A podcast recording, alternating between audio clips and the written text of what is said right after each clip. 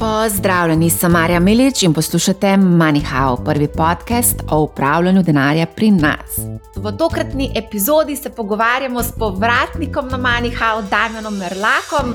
Večina ga pozna kot enega najbogatejših slovencev, oziroma Milenicev, bil je soustanovitelj Bitstampa, ki velja za najstarejšo kriptomenjalico na svetu. Damien je investiral tudi v bohinjske hotele in megatesline baterijske hranilnike, sicer pa se tudi sam ukvarja s trgovanjem na borzi in danes bo naredila en pregled borznega dogajanja. Zdravo, Damien. Živijo.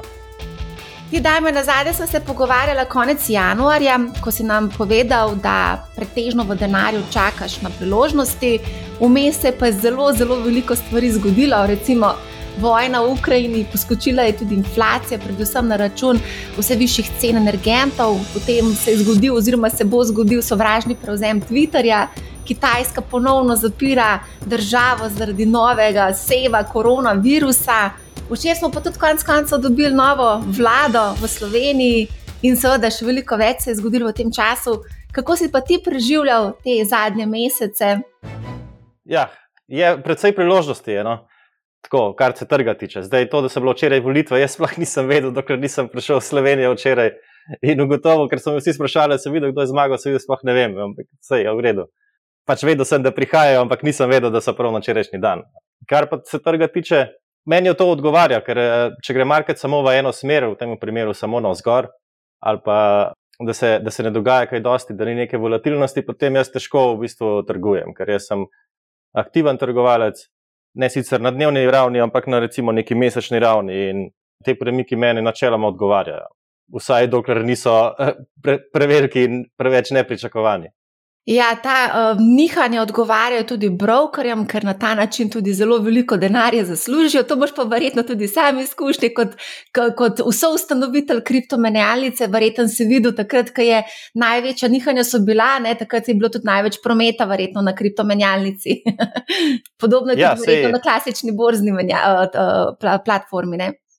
Ja, sej pač brokerji vedno stremijo k temu, da ljudi spodbujajo. Zato brokerji tudi uh, sponzorirajo vse te medijske pač pomp in vse kaos, ki ga ustvarjajo s tem, da v bistvu spodbujajo ljudi, da kupujejo, prodajajo, kupujejo, prodajajo. In isto je tudi v kriptosvetu, vsi pač razni ti exchange, ki danes gledamo, nekateri še odprej, nekateri novi, vedno sponzorirajo neke um, razne tehnične analize, neke podcaste, neke YouTuberje, ki se ukvarjajo s temi stvarmi. Zato, ker več ljudi, ko bo te YouTuberje gledalo, več ljudi bo v bistvu trgovalo, Zdaj, ali to prav pri njih ali ne pri njih, nima veze. Važno je, da v bistvu je tak trg čim večji tih ljudi, ki pri njih trgujejo. Mhm.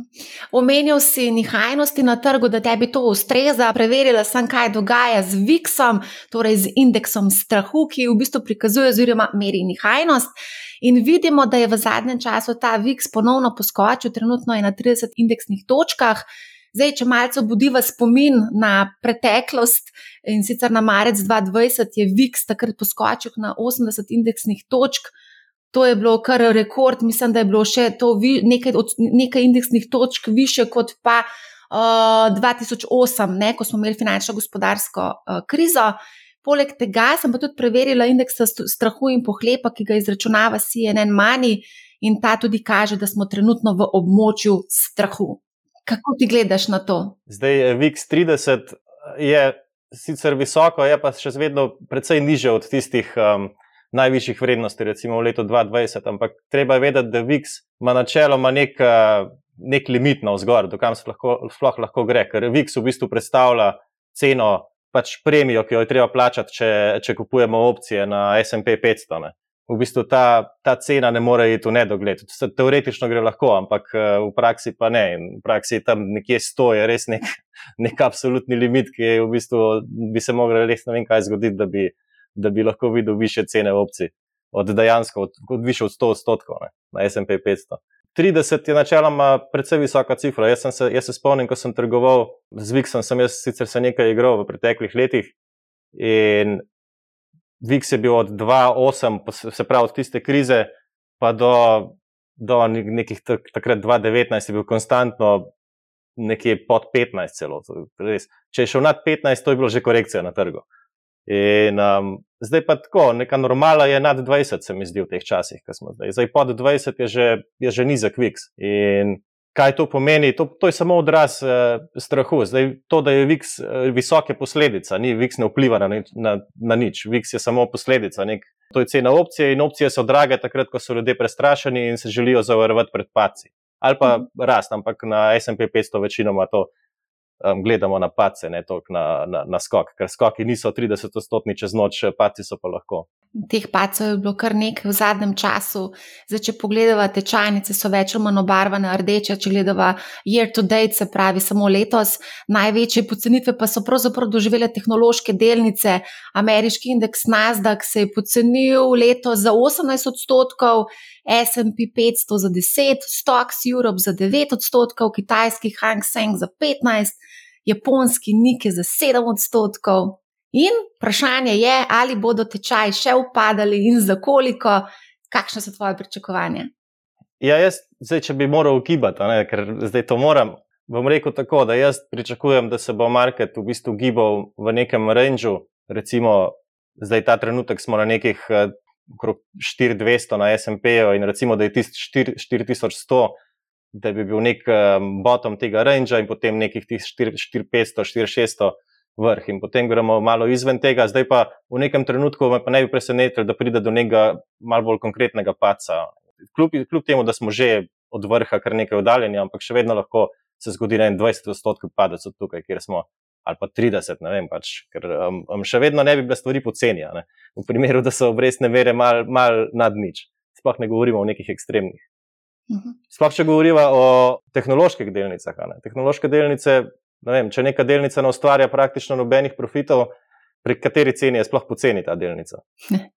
Od ja. vsake cene, ki jo ima, še vedno je lahko 50 odstotkov pade, pa še vedno ne moreš reči, da je poceni, če ne ustvarja nobenega profita. Ampak vseeno še vedno je privlačna za marsikaterega vlagatelja iz bog si ga vedi, kakšnih razlogov. Mislim, so neki razlogi. Ne? Ja, ne, sej vedno pač eh, je nekaj, ampak to je pač čista špekulacija. Ne? Ko kupiš neko tehnološko delnico in ne dela profitov, ti v bistvu špekuliraš na to, da bo v prihodnosti delala profite in to ji daje vrednost. Ne? Če pa ji to nikoli ne uspe, pa pač ni vredno nič. Zdaj pa sam verjetnost, s verjetnostjo se igraš. Ne? Verjetnost, ja. Se to je tudi uh, pogosta strategija, recimo trgovanje, igranje z verjetnostjo. ja, sej, samo za verjetnost gre. Samo ne? to je. Ej, januar si rekel, da uh, sediš dobesedno na denarju in čakaš na priložnosti, takrat si menda tudi prodal večino svojih naložb. Kako je zdaj s tem? A si potem kaj investiral, a si upravil v zadnjem mesecu, dveh, kakšno investicijo?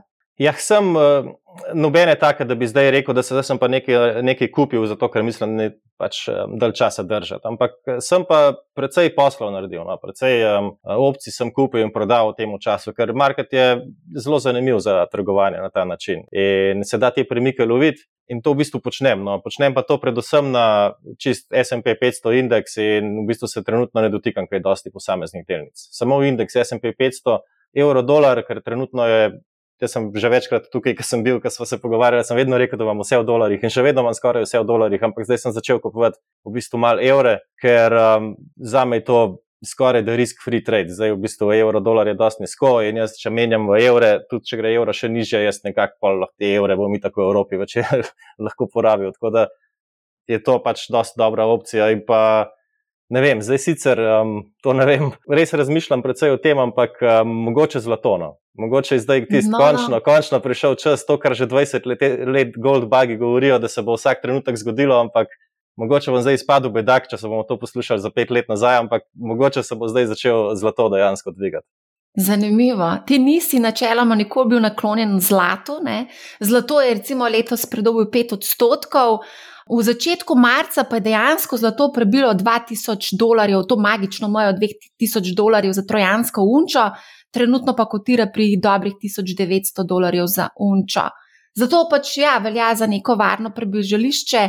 Kako gledaš torej na zlato kot na neko varno prebežališče, ali vidiš tukaj dejansko potencial za nek zaslužek, in pa predvsem me zanima, kako kupuješ zlato, na kakšen način kupuješ zlato. Mislim, jaz kupujem, eh, začel sem kupovati dejansko sem začel to en teden nazaj početi, ne prej že. Tako da moja pozicija še ni nekaj, ampak imam pa cilj zgraditi precej veliko pozicijo v obliki call opcij na, na Gold Futures, na, na COMEX v Ameriki.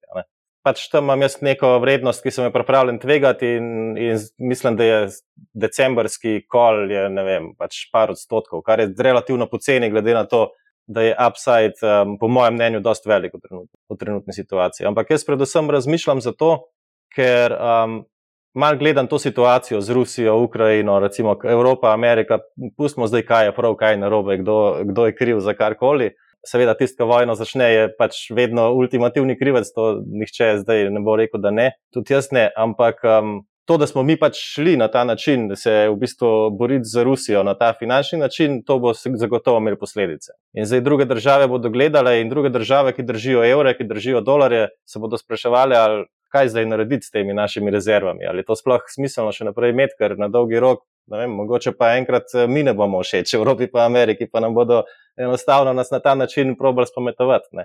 In zato jaz mislim, da v bistvu na koncu ostane za te države edina alternativa eh, zlato, ker od katerekoli druge države valute je isto pač bullshit. Edina stvar, ki ti ostane zlato.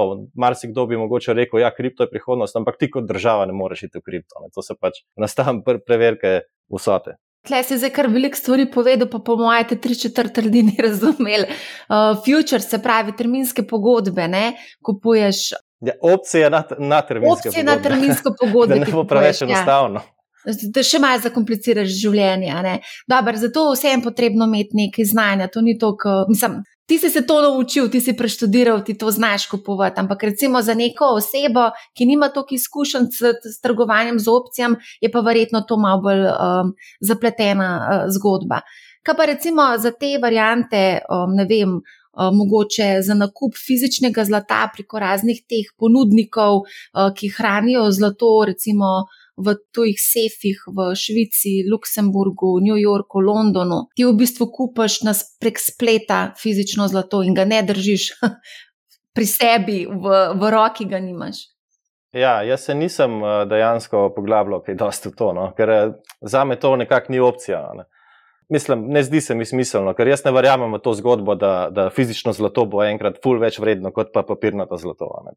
Tukaj bo vedno neka povezava bo, lahko pa da bo nek spred obstajal na neki točki. Ampak pač tudi, če bo obstajal, bo to za nek omejen čas in potem se bo stvar izenačila, ker enostavno lahko narediš arbitražo med temi stvarmi in ni logike, da bi, da bi se cene popolnoma distancirale eno od druge. Um, zdaj govorim papirnato zlato, se pravi to, kar se trguje na borzi in pa zlato dejansko, ki jo imaš ti doma. Jaz, če se ne bi hotel spuščati v take kompleksne posle, v bistvu kot so opcije na terminske pogodbe na neko surovino, bi enostavno kupil ETF na zlato. Na ETF-i so različni, nekateri so 100% bekani za zlato, nekateri pač imajo nekaj zlata, nekaj s futuresi, v bistvu enostavno odražajo ceno. Tako da tam je ponudbe kar nekaj, po mojem. Jasno pa, da so tudi to alternativa, tudi to so opcije, če nekdo želi, ampak jaz tukaj res nimam pojma od teh, kdo kaj ponuja. To smo večkrat že omenjali, eno spletno stran, Bullion World, recimo ena taka večja spletna stran, ki ponuja to fizično zlato. Kar se pa tiče ETF-a na zlato, je pa slabo sta, da pač plačati moraš davek potem ne, na to. Uh, fizično zlato pa ni obdavčeno. To je ena, recimo, ta velika razlika. ja, ok. Ampak to velja zdaj spet samo za zlato. Nekdo, če hoče srebro, ima spet davek. Ne? Ja, ja, seveda. Če so malo večje vsote, potem se splača to narediti, odpreti firmo že za to. Pač odpreš DOO, pa tam kupiš zlato kot naložbo in je to pač njegova dejavnost. Zdaj, ko si rekel, da boš povečeval delež v svojem portfelju eh, z zlatom, kaj to pomeni, da bo potem predstavljalo to, koliko procentov tvojega portfelja? Ja, jaz sem imel idejo. jaz sem imel idejo, da bi imel v bistvu pač nekako moj network uh, celoten pokrit z zlatom. Kar bi me stal pri pač nekaj odstotkih letno, pač ne vem, zdaj govorim na pamet, ampak če se ne motim, je okrog 3 odstotke letno premija za tam decembrske opcije. Kar pomeni, da me stane recimo 200 milijonov, pozicija velika me stane 6 milijonov letno, da jo vzdržujem in to je moj maksimalen riziko 6 milijonov. Jaz potem počnem tudi druge stvari. Jaz, ko enkrat imam kol opcije, si potem uh, delno povrnem to premijo z, z prodajanjem bolj um, kratkoročnih opcij, recimo, ko cena Spike se naredi na vzgor, prodajamo v bistvu kot covered call. Ta, če kdo, kdorkoli trguje opcije, covered call, sigurno pozna. In tako da um, se da v bistvu ta cena, v bistvu imaš ti lahko 200 milijonsko pozicijo na zlatu, vs upside pa. Par procentov pa tvegaš, da, da, da, da izgubiš na, na vzdolj, če cena ne gre v tvojo smer. Evo, Dajmen, zdaj si povedal toliko o teh opcijah, pripričana sem, da marsikdo vse še zmer ne razume. Um, enkrat sem te povabila, da bi naredila eno predavanje na temo opcij, tako da lej, ta ponudba še vedno velja. Pripričana sem, da bi zelo veliko ljudi prišlo in te poslušali, kako ti investiraš v opcije. Se pravi, okay, zlato smo obdelali, to me malo preseneča, da bi bila cela vrednost premoženja pokrita z zlatom. To je kar tako, no se mi zdi. A ni to mal velik? Ja, ampak jaz samo 6 milijonov dam za to. Samo 6 milijonov daš za to. Recimo, okay. samo...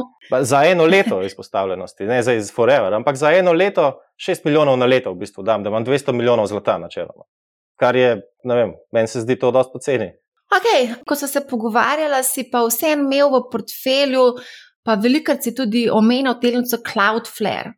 Kaj je zdaj s tem? A to je še vedno ti zanimiva investicija ali to si zdaj prodal in je konec s tem. Ne vem, jaz sem se takrat odločil, pred eh, koncem leta, lansko leto, sem nekako se odločil iti skoraj vseh, vseh teh posameznih delnic ven, ker so itek stvari postajale tako mal čudne. In sem bil mal nervozen in sem pač začel počasi eh, stvari prodajati. Ker tudi v tem umestnem času, ko sem prodajal, so, so bile rasti na trgu, je še potem dol in je šlo gor. In takrat, ko je šlo gor, sem jaz probal čim več stvari offloadati. Tako da zelo malo posameznih delnic še imam, niti ne vem točno, kje je, ampak tako male pozicije so mi še ostale. No. Zdaj, zdaj res gledam samo na, na, na celoten trg, kako se premika in, in trgujem samo to v tem trenutku. No, takrat, ko si to povedal, da si v denarju, da si vse prodal in da čakaš na, v denarju na nove priložnosti, smo prijeli kar nekaj odzivov na to potezo. Marsikomu se ni zdela logična, ampak zdaj, ko pogledamo nazaj, je bila pa kar logična. Ne? Ja, se tudi jaz nisem vedel, pač zakaj. Ampak enostavno gledaš, moraš, nekako moraš sprejemati informacije, ki prihajajo okrog tebe, do tebe in jih absorbirati, in potem iz tega potegniti neke odločitve. In da, do, da dovolj zgodaj prodaš neko stvar, ali pa greš iz trga, ali pa da dovolj zgodaj nekaj kupiš, moraš kdaj sprejeti neke odločitve tudi na nekih pol informacijah če vedno čakaš, da boš imel popolne informacije in da bo vse jasno, potem je že prepozno, ker takrat je že vse ukalkulirano v ceno. Veliko krat dobivamo od mladih eh, vlagateljev vprašanje, kakšna je strategija izhoda. Ja, ne, sel, to smo že večkrat videli. Sel. Pritisnem na sel.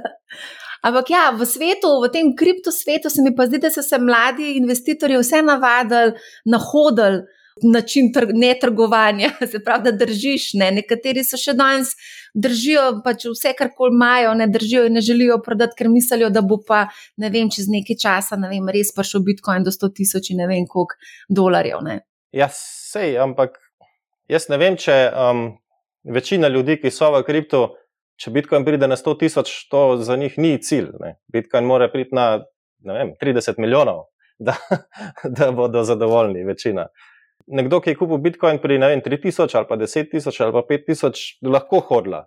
Je to precej bolj enostavno, kot pa nekdo, ki je kupil mogoče pri 40.000 in je vsakič, ko cena pride nazaj na 40 živčana, bom še zdaj v minus, ali se bo odvilo nazaj, ali kaj naj naredim, ali zdaj po enem letu že te živčnosti.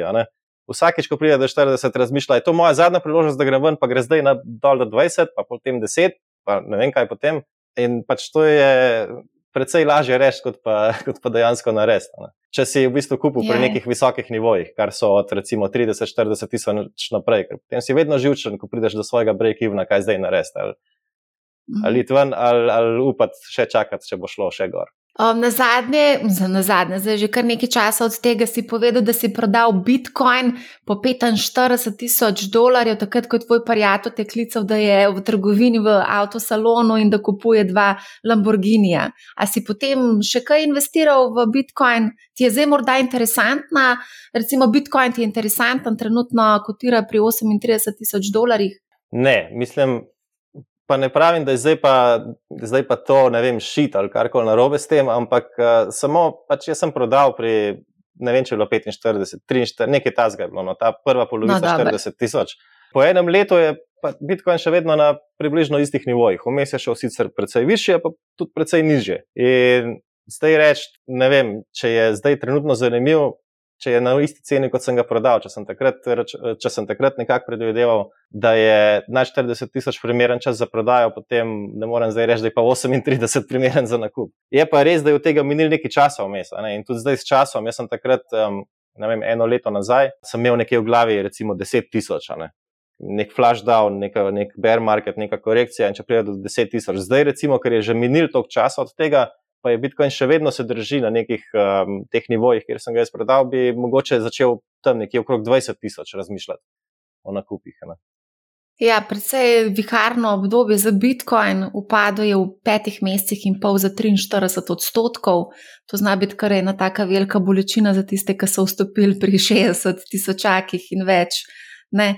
Ampak, ja, tudi če pogledamo druge, v bistvu, kriptovalute, letos imamo res tako dramatično pocenitev, lahko rečemo, Bitcoin je upadel za slabo petino, Ethereum za 25 odstotkov, Solana 46 odstotkov, Ripple 23, Cardano 39. Taki brutalni upadi so tle na kriptotrgu. Ne? Ja, vedno so bili. Sej, um, mislim, da vsak, ki investira v kripto, ima to prednost v življenju, da karkoli drugega gre investirati, je nobeni problem, ker je 20 odstotkov v kripto ni nič. In potem, ko enkrat investiraš v delnice, se veliko lažje v bistvu preživiš uh, korekcije na trgu, ko delnice padajo za 10 odstotkov in vsi ostali pa nečarijo tebe, pa to nekaj posebno običajnega. Tako da je dobra šola ja. za, za bodoče investitore, da se naučijo teh, tega trpljenja v pacih. Sam nekako se mi zdi, da pa vsem pričakujejo tako velika nihanja, pa tako nore upade na kriptotrgu, ne pa na, na borzi. Na borzi pa, ne vem, ko mal za niha 10-15% je že drama, je že panika, kaj ne naredim. Ne? Saj taki so prvi odzivi od teh mladih, eh, novopečenih uh, investitorjev, ki so vstopili zdaj januarja na, na, oziroma decembra, ki so vstopili na borzo. Ja. So me še celo cukor za rokav, Marja, kaj ne naredim. Zdaj ne vem, ali so to isti investitorji, ki investirajo na borzo in v kripto in imajo potem drugačne, različne reakcije na enem trgu in druge, različne na drugem, ali so to različni ljudje, eni, ki investirajo samo na borzo, drugi pa ki investirajo samo v kripto. Jaz, jaz opažam, da veliko mladih ljudi v bistvu je zdaj rekli, da želijo nekako malo bolj stabilno investicijo, ker kripto je res zelo nihajen in so se odločili, da gredo na uh, investirati na borzo. In so prišli v isto valovito morje, iz katerega so odšli. Verjetno, ja, nekateri so se verjetno ustrašili. Ja. Ok, kaj pa ti misliš, a je zdaj pravi trenutek za investiranje v kripto po teh pocenitvah, ali misliš, da bo tukaj še, bomo videli še upade? Ne, jaz mislim, da bomo zdaj tako, ne zaradi kripta samega. Jaz, jaz ne pričakujem, da um, zdaj, če se eno leto že drži na teh nivojih, potem ne bi zdaj pričakoval, da bo pa zdaj, ne vem, po enem letu, pa dveh mesecih, pa čez noč upadal na še za 80 odstotkov. Ampak zna se zgoditi, da, da, da gre počasi navzdol proti 20 tisoč. Kar je pa bolj verjetno, je pa to, da v bistvu marketi na splošno in, in, in da se na delniških trgih eh, zgodijo večji pretresi in to potegne kripto za sabo, ker um, definitivno ga nek, eh, nek crash ali pa mini crash na ameriških borzah eh, potegne za sabo tudi kripto. Sej kripto je izjemno koleriran z Nasdaqom, v bistvu s tehnološkimi delnicami. Ja, to je res to, kar lahko opažamo, tudi ko potegnemo skupaj grafe. Okay, Kdaj mi povej, kaj pa črno zlato? Uh, ti si zdaj pred letom, dvema, si investiral v nafto, takrat si se zelo upekel. A se spomniš, ko si razlagal, 5 milijonov si menda, da zgubi vložka. Kako pa danes gledaš na nafto? Trenutno nafta Brent kotira pri dobrih 100 dolarjih za 159 litrski soček, kar je petino pod vrhom, ko je bil soček nafte 128. Ne trgujem, no, trenutno, ker ne vem, kaj se bo zgodilo. Ali bo šlo vem, na 200 ali pa na, na, na 60 nazaj. Težko je reči. Ampak jaz se spomnim takrat 2007, ko sem se pogovarjal s nekaterimi ljudmi, bila ista nafta okrog 100. In so vsi govorili, da to gre lahko samo še na gor, zakaj bi šla nafta kadarkoli na vzdolj. Pa potem vemo, da je, recimo, da je dobrih deset let kasneje bila celo negativna. Ja. Nihče ne more tukaj predvideti. Sej noben, nobenega marketa, ne samo za nafto. To v bistvu za vse velja, da ga uh, nihče ne ve, kje bo cena česar koli naslednji teden. Ampak veliko ljudi pa razlaga, kje bo cena. Ampak zato, ker ima, dobijo gledalce na ta način in potem dobijo sponzorje in tako naprej. Jaz tega ne, ne vem in jaz to vsem javno povem in, in Tako. Ja, dosti krat opazujem, kako napovedujejo na podlagi raznih um, grafov, tehničnih analiz, uh, vsega živega hudiča potegnejo skupaj in potem napovedujejo prihodnost. Ja, ampak prihodnosti se ne da napovedati na, tudi na tak način. To, kar smo prej govorili, tehnična analiza je, je praktično izum, vem, oziroma zelo zelo, zelo jo podpirajo um, um, brokeri in, in pa vse trgovalne platforme, ker tehnična analiza daje razlog ljudem, da kupujejo in prodajajo, kupujejo in prodajajo znotraj zelo kratkih obdobij.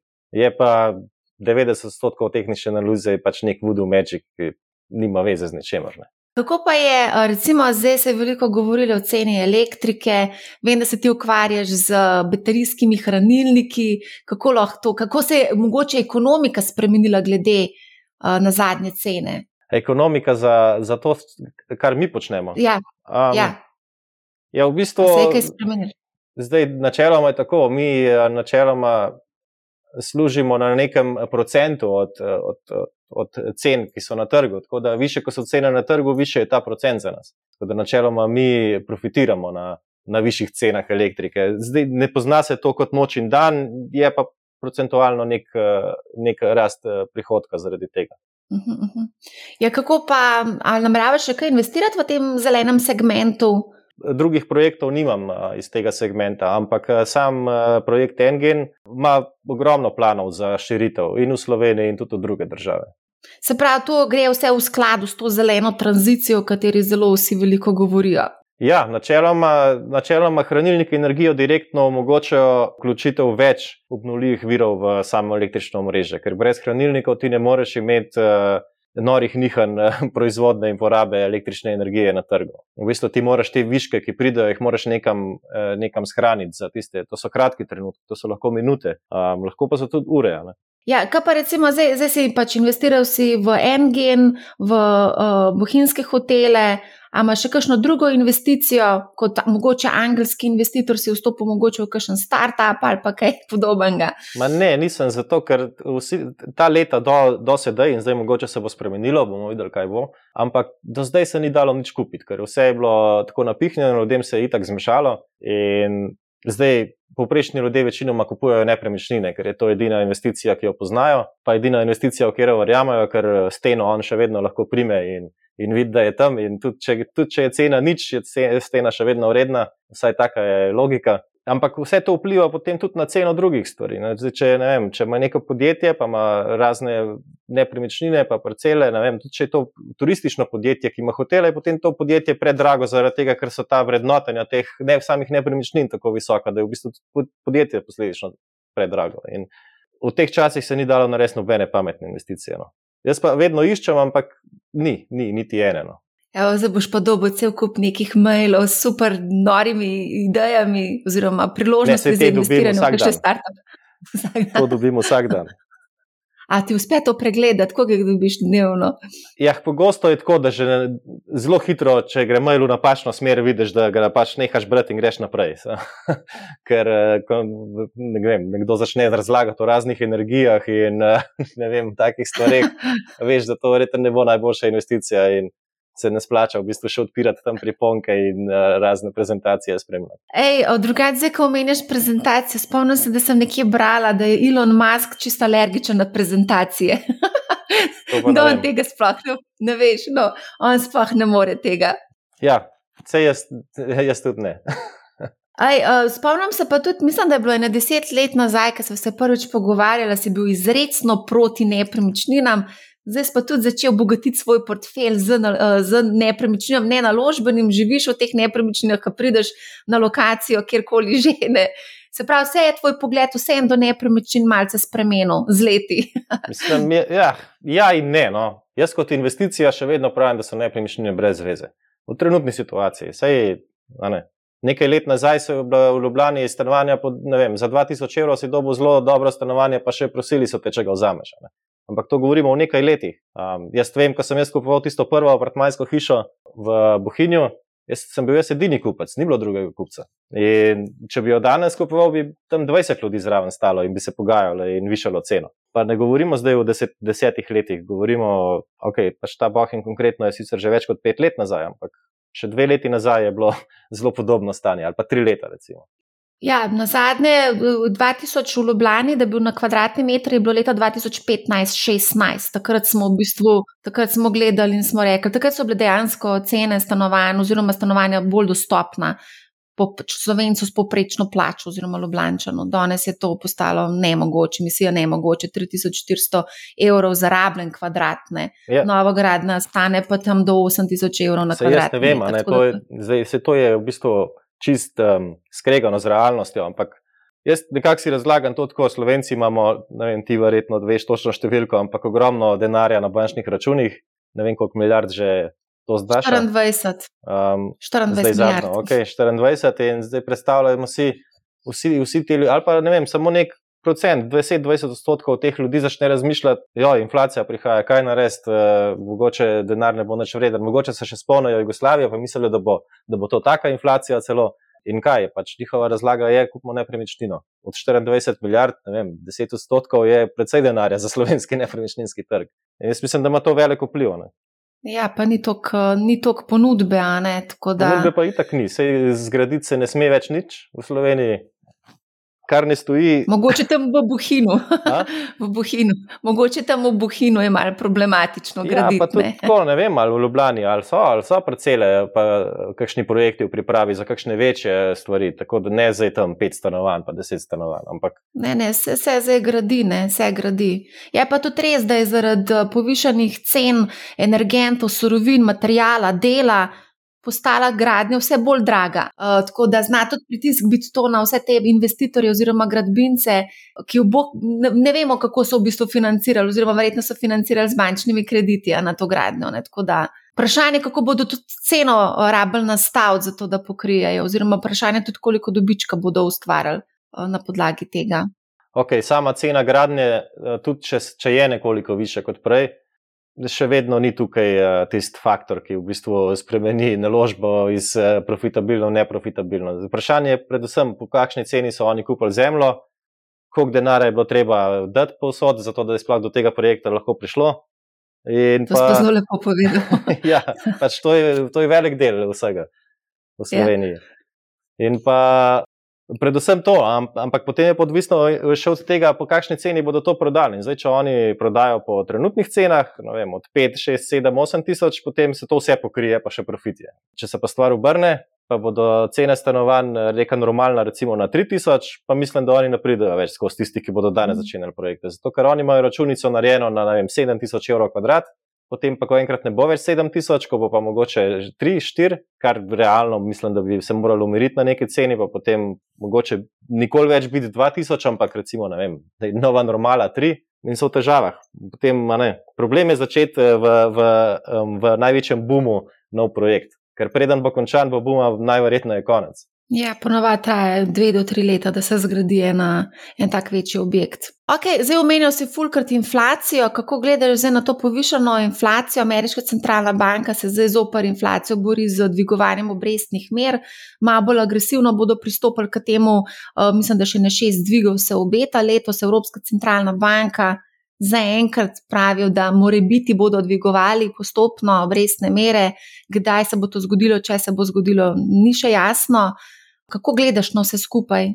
Ja, veliko velik enega govorjenja, ampak eh, jaz mislim, da so njihove možnosti, kaj sploh lahko naredijo, zelo omejene. Oni v bistvu bolj um, delujejo strogo, pač delujejo, da bodo ukrepali, da je treba zdaj nekaj narediti, ampak jaz mislim, da se oni vsi zavedajo, da ne morejo kaj, kaj dosti obresti zvišati. In zdaj, če bo vem, povišanje, govorimo v Ameriki, vem, na en odstotek, na dva odstotka, če bo to zadostovalo za umiritev inflacije, potem ok, potem jim bo uspelo, ampak če bo treba višati pa naprej, se pa zruši cel svet, v bistvu, ker, ker trenutno je cel svet. Je to addikted kot nek, kot nek narkoman na v bistvu zaston denar. In ti, če si, če si se vsi ljudje zakreditirali po nič obrestni meri, praktično z nekim pribitkom, um, in zdaj, če gre te obresti za en odstotek, dva odstotka, še gre, tri, štiri, pet, naj vsem vsak zračuna, kam je kredit, za koliko se njegov obrok poviša, če bi bile obresti pet odstotkov mislim, da, da, da, da, da njihova plača niti obresti več ne pokriva, kaj še le glavnice.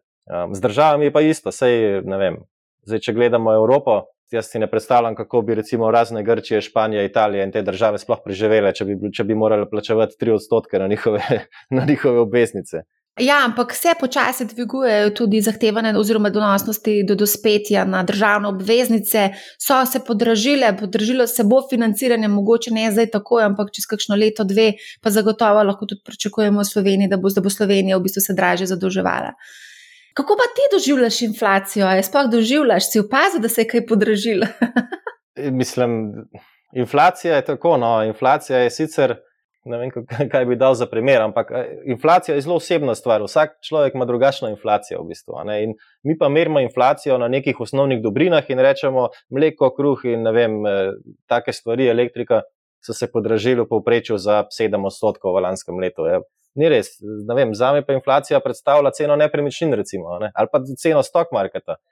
Če grejo delnice za 20 odstotkov gor, jaz lahko kupim 20 odstotkov manj gospodarstva za istim zneskom. To je 20 odstotna inflacija za me. Ja. Isto za nepremičnine. Nepremičnina je za večino ljudi največji nakup v njihovem življenju. In zdaj nepremičnine so šle 100 odstotkov gor, inflacija je 100 odstotna v Sloveniji.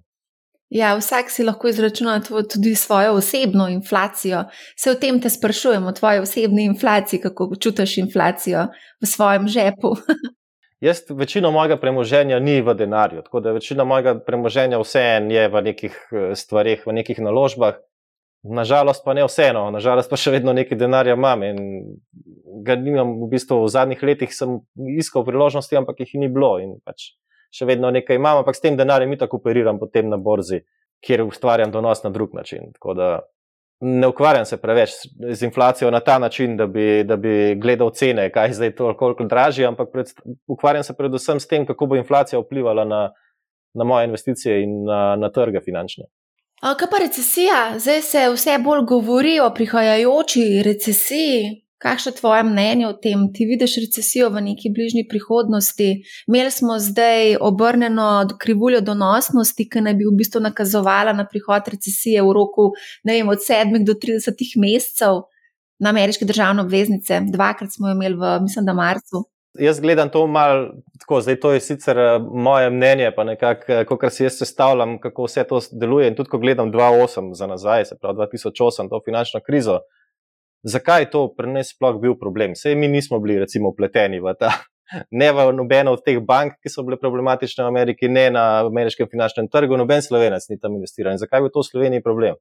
In pri nas je bil problem to zaradi tega, ker so stock marketi padali, ker se je to premoženje uničilo z, z, z, z market crashom. In če pride do market crasha, smo v isti situaciji. In v bistvu jaz bolj gledam, da market crash povzroči um, to recesijo, ne recesija market crasha. Ja, in um, a vidiš ta scenarij v neki bližnji prihodnosti? Jaz mislim, da je velika verjetnost. Ja. Ne zdaj, ne vem, 90 odstotkov, ampak jaz mislim, da smo vem, vsaj ena tretjina, recimo 30 odstotkov verjetnosti, da se nekaj tasga zgodi. Dej, mogoče za konec, zdaj pa še malo pokomentirati Ilona Maska. Ja, jaz ga ne poznam, tako da sem pa prebral, ja, da kupuje zdaj Twitter. Twitter. Ja, jaz sem se pa vprašala, kaj bojo pa rekli uh, delničari Tesla na to potezo. Zakaj? Zakaj? Zaradi tega, ker to zelo pomembno vpliva. Ne? Zdaj bo pa še eno podjetje, mislim, da bo zdaj imel, mislim, da že štiri no ja, podjetja ja, upravlja. Aktivno, verjetno z njim ukvarja. Ne, aktivno ne. Ne. Ampak a je to dobra investicija, Twitter? Mislim, jaz predvsem upam, da ga kupi in da, da, da se malo obrne ta svet, ker gre vse skupaj v napačno smer. Ker eh, pač to, da ne smeš nič več reči, ker za vsako stvar nekoga užališ. In, vem, pač, če debelemu človeku ne smeš reči, da je debel, jaz ne vem, kam smo prišli. Sej, to ni nekaj zdravega. Sej, verjetno pač marsikdo ima eh, problem psihološki, da je preveč hrane. In pač, če se to zanika, da to ni problem, potem se dela škoda tudi za te ljudi, ker jih eh, vem, drugi podpirajo, če jim ne smejo povedati, kako je situacija. Twitter je, ne vem, Twitter je pa v bistvu prvak v tem. No. Tam je pa vse tudi to, okay, zdaj pustimo, zdaj Donald Trump pač je, kar je, ampak vseeno ne moreš ti predsednika Amerike, ki je v bistvu ti si ameriško podjetje in ti predsednika svojega države v bistvu dobro vseeno benat, zato ker je pač govoril, kar je, ampak ne vem, svoboda govora je vse en, bi moral biti na prvem mestu. In če dokler ti nekomu izredno ne, ne vem, ga ne ogrožaš, mu ne groziš, potem to ni sovražni govor.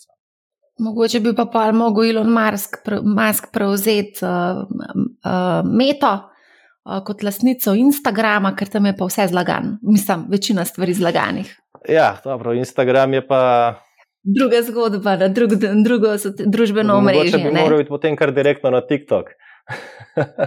ja, no, kar nekaj družbenih omrežij je, ker je v bistvu na eni smo mal preveč iskreni, na drugi smo pa mal preveč fake. Ampak se jaz imam občutek, da Instagram je tako zamiral. Mislim, pač vedno manj imam občutek tudi, da je um, aktivnosti tam. No. Ker vse te nove generacije grejo verjetno takoj na TikTok in se mogoče Instagrama sploh več ne, ne dotikajo.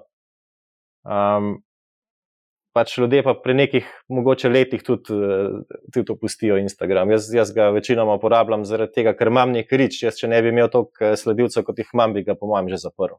Zdaj, ko omenjaš leta, zdaj praznuješ čez dva dni rojstni dan. 36 let boš star, ali v teh letih že razmišljaš, da bi se mogoče umaknil z Instagrama, da se heca. ja, sem rekel, da sem pa, eh, nekajkrat sem že razmišljal, da bi kliknil delete button, ampak ga še nisem. Ja, a si tudi mogoče na TikToku prisoten? Sem si ga naložil, ampak um, sem ga izbrisal po nekih dveh dneh, ker um, v bistvu zgodba je bila taka, da sem ga naložil v Dubaju.